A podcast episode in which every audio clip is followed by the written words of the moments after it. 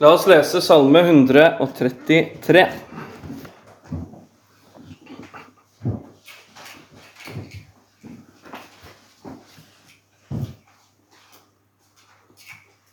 Se hvor godt og herlig det er for brødre å bo sammen i enhet. Det er som den kostbare oljen på hodet, som renner ned i skjegget, Arons skjegg, og renner ned på sømmen av hans kjortler. Det er som duggen på Hermon, som faller på Sions berg, for der har Herren tilsagt velsignelsen, livet til evig tid. Skal vi bla over til hebreerne. Hebreerne 12. Så skal vi lese 14 og 15.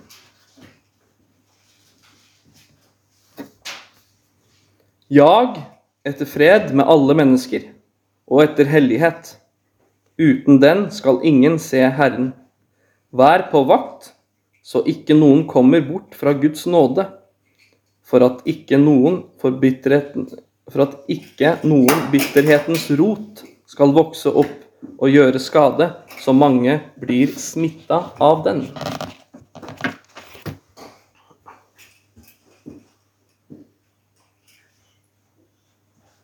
La oss starte med en bønn.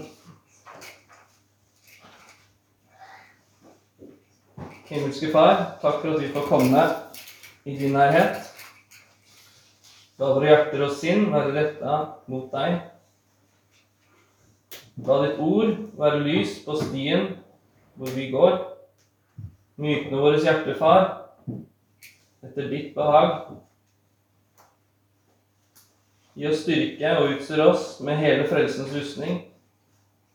La oss ikke rokkes av verden,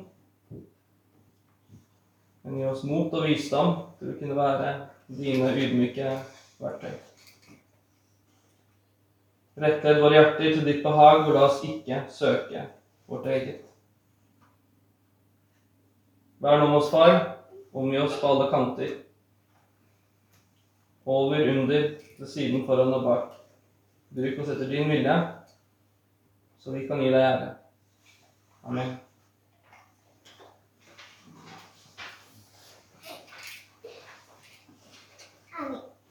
Jeg har hatt en liten serie, serie om du vil, om uh, ord og ords opprinnelse. Og uh, som dere vet, er ord og også et, etymologi er viktig for meg. Jeg mener det har blitt en viktig ressurs for å forstå Guds ord og karakter og måten vi skal tilbe Han på, på hans premisser. I denne lille serien av taler så har vi kommet til ordet toleranse. Ords mening, innhold og substans forandres, som vi har snakket om før. Spesielt da av én side av spekteret, også kjent som progressive. Toleranse er i siste åra blitt løfta opp som en fantastisk og god og fin ting alene i seg sjøl. Isolert sett så anser man toleranse som noe fantastisk. Helt uten forbehold. Det er lett å se hvem som pusher denne semantikken over oss. Og Det er ofte de samme som presser andre ord og holdninger over oss, fordi det er det tolerante å gjøre. Verdens moralpoliti vil ha full konformitet, altså likhet, når det gjelder tanker og meninger. Og i sum så er det på sin plass å kalle det verdier. Konformitet med verdier og syn. Jeg tør påstå at de som roper fra hustak om toleranse, er de mest intolerante av alle. Utallige ganger har vi lest historier om eh, forfølgelse av kristne på forskjellige måter. Som, takk Gud, ikke har samme verdenssyn som de øvrige. Det finnes selvfølgelig mange ugress på marken, også blant eh, kristne. Men det er ikke der jeg skal legge vekta mi akkurat nå. Men jeg kommer litt tilbake igjen til det etterpå. De slipper ikke unna så lett. En kjent historie som fikk mye mediedekning for ikke lenge siden, det var eh, om et ektepar som drev et bakeri i Belfast. Det har vært flere lignende saker i USA. og Bakere er av en grunn en gjenganger i sånne saker. De fikk en, eh, de bakeriet i Belfast de fikk en bestilling på en kake til å feire den internasjonale dagen mot homofobi og transfobi. De takka høflig nei. De sa ikke nei i butikken. for Den eldre dama ville ikke fornærme eller støte den mannen som kom inn. Jeg tror det var en tidligere borgermester eller et eller annet.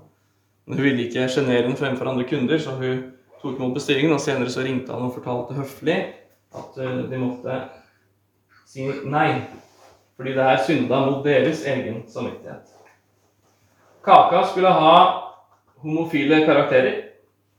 Hånd i hånd fra Sesame Street. En logo med skrift i regnbuens farger. Våre søsken i Belfast er eh, presbyteranere.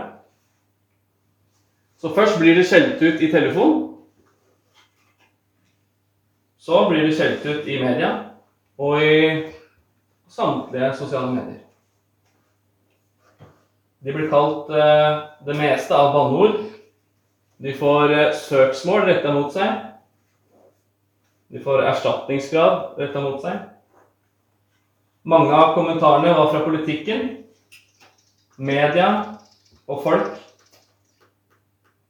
Og vet dere hva folk kalte det? Det Hva folk sa? De sa 'Du er intolerant'. Høres ikke disse her menneskene intolerante ut? Det er absurd.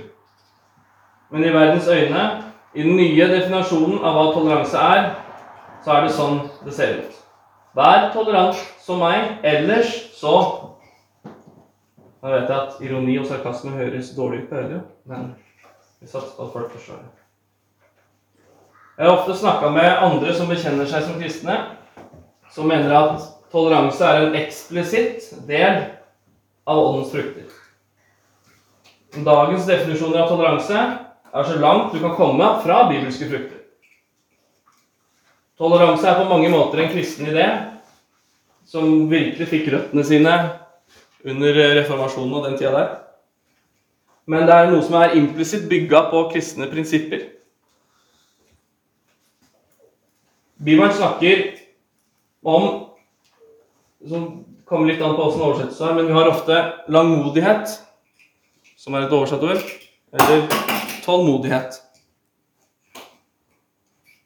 Eh, makrothymia, ordet som er oversatt, er å være utholdende tålmodig. Det forutsetter selvsagt at du er uenig i noe. Så Gud er makrothymia med oss når vi synder. Han er ikke enig med oss når vi synder. Eh, jeg skal gjøre som Jonas sier, jeg skal ikke gifte gresken eller hebraisken i ansiktet på noen. Det er ikke det som er meninga. Men å være tolerant i seg sjøl er ikke det som er mest presserende. Det essensielle er hva som blir tolerert. Det er et par sitat jeg liker veldig godt, som, som har sittet i bakhodet mitt i, i, en del år. Og han eh, Charles Chaplin, gammel erkebiskop Jeg er litt usikker på åssen du uttaler etternavnet hans. Og han sa 'Evil preaches tolerance until it's dominant'. Then it tries to silence good. Et annet sitat av uh, det fine akronymet AK Chesterton er Societies are far gone in depravity when toleration is considered a good in itself, without regard to the thing tolerated. Det finnes måter vi kan være tålmodige med andre som er bibelske. Og det finnes måter vi kan være tolerante på som er djevelsk. Historisk sett så var evnen til å være tolerant bra, men evnen Men allikevel så var toleranse assosiert som noe negativt. Og hvorfor var det sånn at toleranse ble assosiert med noe som var negativt? Jo, for det forutsetter at du ikke er enig.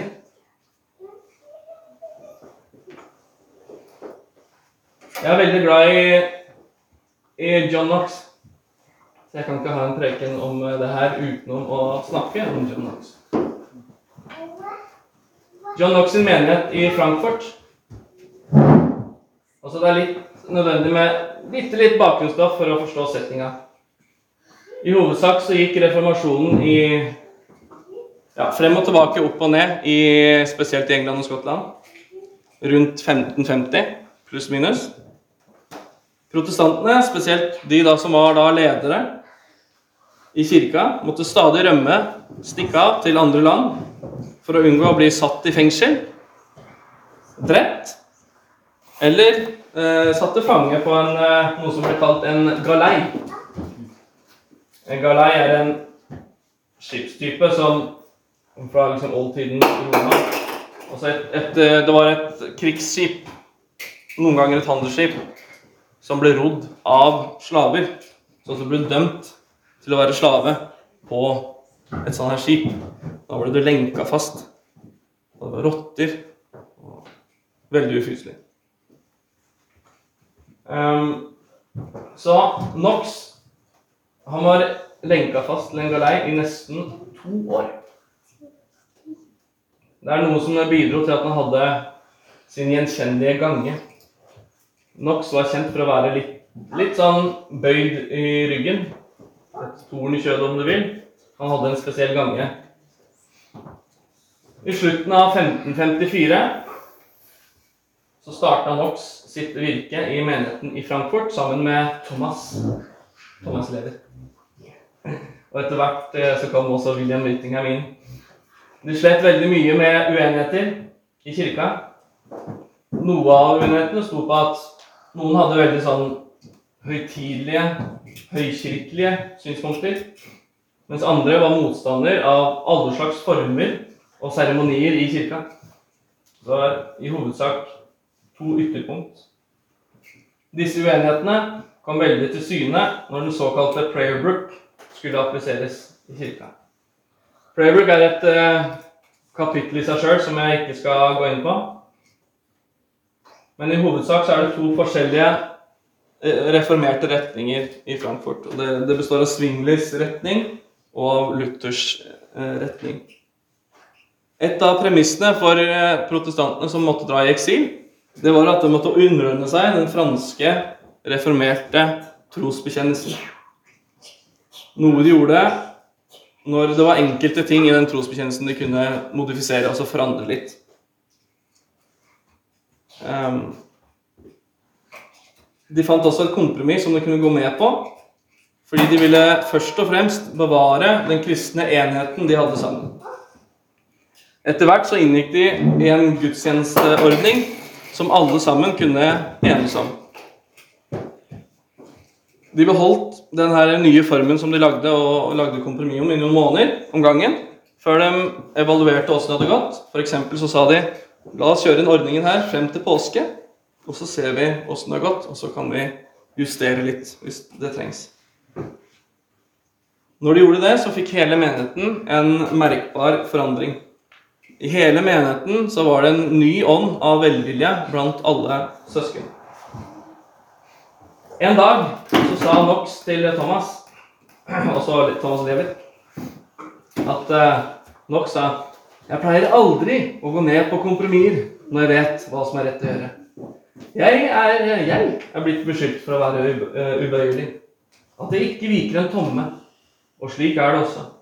Men nå kan jeg med god samvittighet si at det finnes ikke-vitale, også ikke-viktige saker, hvor vi må lære oss å føye oss etter hverandre. Føye oss etter hverandre, altså og rette oss etter hverandre for å bevare enheten. Det her, det er toleranse. Denne eh, måten å dreve kirka på skapte en, en form for idyll i enheten i kirka. Og den idyllen den fortsatte helt inntil en ny gruppe som eh, kom, ledet av eh, Richard Cox. Han, er, han var en av de ansvarlige da, for den nevnte playerbook som jeg var innom i stad. Eh, Cox hadde vært kansler ved universitetet i Oxford. En belest mann. Men allerede på den første gudstjenesten som eh, Richard Cox og gruppa var på, så begynte gruppa å komme med bemerkninger. Altså Når det kom mot eh, slutten, så sa Cox f.eks.: Det her er slettes ingen gudstjeneste. Og så videre. Og sånn her fortsatte det. Til slutt så ble det så ille at til og med under bønn og opplesning av Guds ord så ropte denne grupperinga ut skjellsord mot han som hadde preken. Mot Knox, mot uh, Whittingham, mot Lever. De satt og avbrøt Guds lesning. De avbrøt bønn med skjellsord i kirka. Idyllen var brutt. Ettertid så oppsøkte Knox Cox og fortalte om alle de utfordringer de hadde hatt i kirka tidligere. Og åssen de klarte å løse utfordringene de hadde. Men Cox han var en stolt mann. Han fornærma Knox i den samtalen. Han fornærma Calvin. 'Jeg danser ikke etter en franskmanns pipe', var det svaret hans. Og han fornærma biskop Kramer. Kramer. Kramer var Han anbefaler å lese om, eh, hvis du ikke har gjort det. Viktig for reformasjonen. Knox hadde, Når han måtte høre på alt det her, så hadde Knox et veldig skarpt svar hengende og liggende på tunga. Men han valgte å ikke si noe. Også han hadde kunnskapen om hva som var rett å si, men visdommen til å vite om han skulle si det, eller om han ikke skulle si det. Det er en forskjell. Knox prøvde å finne felles løsninger sammen med Cox. Og Knox hadde ikke noe ønske om å fragmentere, altså dele opp kirka enda mer enn det den allerede hadde blitt gjort. Men Cox nekta. Knox foreslo til slutt kan ikke dere finne dere en annen menighet? Det var flere menigheter i Frankfurt av, av protestanter. Eller start en egen. Cox han nekta. Cox skulle være i kirka. I den kirka som han skjelte ut. Til slutt så gikk det så ille at Richard Cox tok over menigheten. Og Knox han måtte dra videre. Og Knox hadde ønska seg lenge å kunne bo på ett sted og ha en pastoral rolle. Han hadde giftermål med Majori, Majori eh, som han var veldig veldig forelska i, som han ikke kunne ikke leve i ekteskap med henne pga. at han, han, trengte et fast sted. Så dette her var svære hendelser i, i hans liv. Så Knox dro videre. En trist, men allikevel artig avslutning på hele. I hvert fall syns jeg det. Det er at uh, Knox han begynte å gå, for han måtte dra fra kirka. Så Knox han uh, går lenger enn langt. Et stykke så hadde han følge av de fra menigheten. Men så begynner han å gå alene. Så tusler han i mørket. På det gamle tida. Du måtte gå langt og lenger enn langt for å, å finne noe. Så etter veien så begynte han, det begynte å bli kaldt, det var mørkt. Og så tenkte han jeg må, jeg må finne ly for natta. Og Han går bortover, og så helt i enden langt borte så ser han et lite lys. Der, ja. Nå, nå ser jeg et sted. Og nå er jeg sliten, nå er jeg trøtt. Nå skal jeg gå på. Jeg må gå. Jeg, må få ly. Han går og nærmer seg. Og når han nærmer seg, så står det, det er nesten som en sånn Ikke en allé, men det er trær og buskas tett langs veien. Og plutselig så hoppa det en flokk med menn ut av trærne og buskene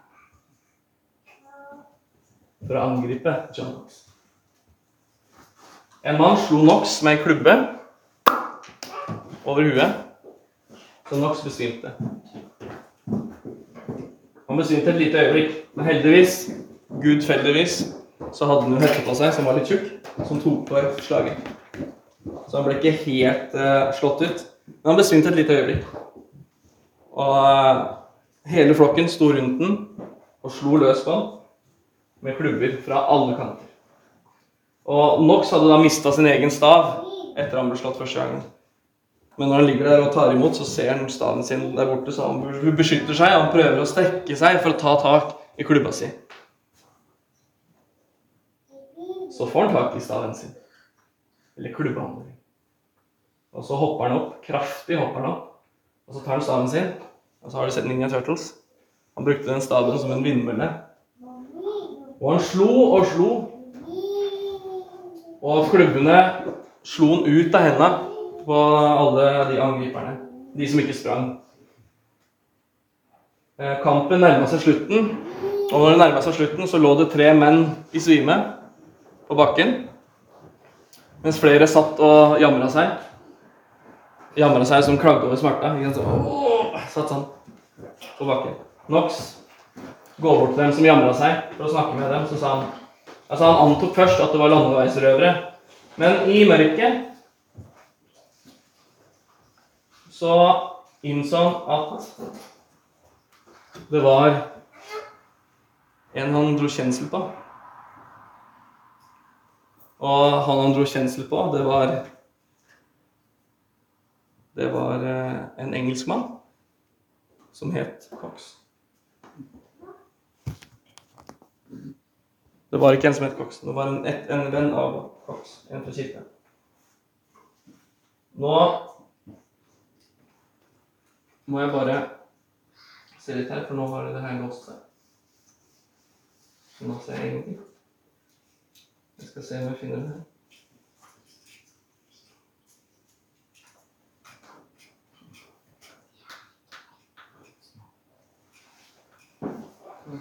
Jeg tror det går bra.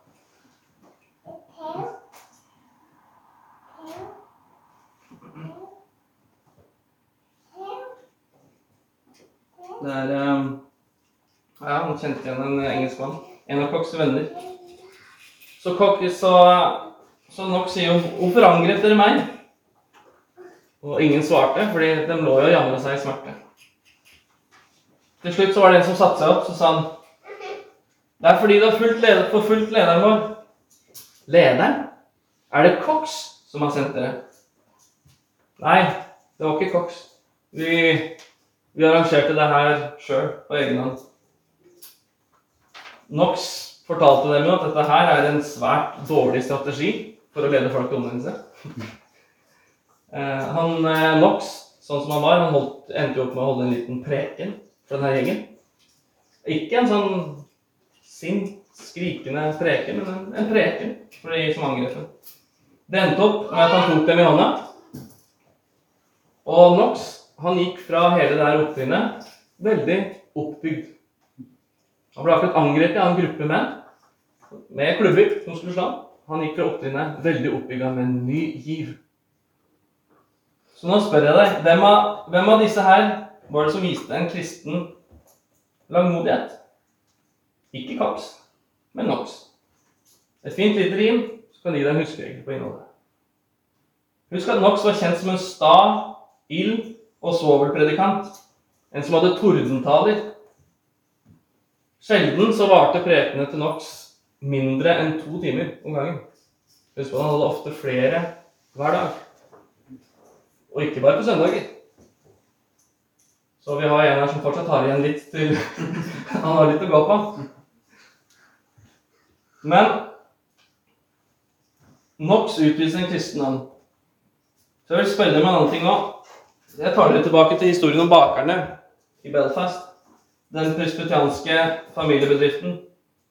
Hvem viste toleranse overfor den andre der? Ikke media, men bakerne. De selverklærte tolerante spotta og hata. Kulmineringa, altså det det kan ende opp med, er ofte da trussel om vold eller vold. Det er den typiske måten ting nesten alltid går på. Beste måten å fremse, forutse fremtida på, det er å se mønstre i fortida. Forrige gang jeg snakka, så snakka jeg litt om ydmykhet. Det jeg kalte sann ydmykhet. Hvor jeg sa at en konfliktsky mann ikke er ydmyk. Han er bare en pingle. Det innebærer selvsagt ikke at du skal like konflikt. Det er noe helt annet. Jeg håper ikke det liker konflikt, men søke fred. Vær tålmodig utholdende. Ikke nødvendigvis til det uendelige. For du skal stå for det du er overbevist om. Du skal ikke bli dømt av egen samvittighet. Men legg også merke til at Knox hadde flere ganger et, et skarpt svar på tunga som han avsto fra å si. Det er ikke konfliktskyhet. Her må vi skjelne. Men det er visdom. I dag så er toleranse et moralsk problem, men det er òg et logisk problem. Hvorfor er det et logisk problem? Jo, for det detter under det som kalles motsigelsesprinsippet. Å tolerere forutsetter at du anser meningen eller utsagnet eller handlinga som falsk eller uriktig. Altså, du kan kun tolerere et syn som du anser som falskt. Så nøkkelen til toleranse, hva er det? Det er uenighet. Er du enig, så tolererer du ikke. Sett det her paradokset opp mot dagens politiske klima. I dag ser du at toleranse egentlig er enighet. De tolerante, de som omfavner alle legninger, kjønn osv., osv. Det er ikke de tolerante. For de er enig i hva alle de her alfabetgruppene står for. Men kons mot konservative har de derimot en årsak, en grunn eller en mulighet til å være tolerante mot. Men er det det? La oss være som Knox, som hadde visdom til å skjelne. Vi kan være uenige, men vi kan fortsatt behandle mennesker med respekt. Mennesker er skapt i mag og døgn. Så mennesker er skapt i Guds bilde. Vi må søke enhet og fred, men vi gjør det ikke på bekostning av essensielle sannheter. De står vi for. La oss søke Herren og Hans ord for å best imitere Jesus. Være hellige fordi Han er hellig. Vi har mulighet til å være tålmodig utholdende og tolerante mot mange. Men denne verden den står i opposisjon til Gud. Jeg håper for din, for din egen sjels skyld at du ikke stadig finner moralsk enighet med all den ugudeligheten som omgir deg. Oppi det hele her så er vi kalt til å elske våre fiender. Som er en svær greie. Du legger en ny ingrediens som kanskje er hovedingrediensen, oppi den herre sulamitten med toleranse. Å elske våre fiender er ikke alltid like lett. Og alle faller i tide og utide i den grøfta. Vi lar impulsive følelser vinne over kunnskapen som vi har fått i Hans ord. Og kunnskap og visdom er som sagt ikke det samme. Men det er vondt å elske noen når du ikke vet åssen vi skal elske dem. Uansett om det er en ektefelle, en bror eller søster eller hva det nå er, å elske noen, men ikke vite hvordan vi skal elske dem, kan være vanskelig. Det er vondt. Stadighet så må vi gå tilbake til Hans ord. Da kan vi vite hva som er rett. I oss sjøl er det synd. I hjertet. Det er synd i tanker. I Han så fins det ikke svik, og det fins ikke løgn. Vi er utilstrekkelige, han er tilstrekkelig. Vi er ufullkomne. Han er fullkommen. Det er heldigvis, igjen gudfeldigvis, ikke noe i oss sjøl som kan legge til eller trekke ifra frelsen. Rettferdiggjørelse er ikke noe vi tjener oss til Det er noe vi har fått som en gave fra Han. For Kristus er rettferdig. Det er hans rettferdighet som er gitt til deg. Vær langmodig utholdende og forkynne evangeliet. Jeg er litt uenig i det kjente uttrykket som er veldig populært i, i spesielt i liberale, mainstream kristne kirker. Det er sånn Hva er det de sier? De sier Forkynn evangeliet, bruk ord om nødvendig. Som jeg syns er en forkastelig ting å si. Jeg vil heller si helt motsatt. Det er ikke primært vi som leder til frelse. Vi er kun verktøy, ydmyke verktøy for Gud, for det er Gud som frelser, og det er Hans ord som leder til frelse. Det er ikke vi. Vi er kun verktøy. Det som gjør mennesket stort og Gud mindre, er i all hovedsak ikke fra Gud. Men det som gjør mennesket lite og Gud større, er som regel i tråd med Guds ord.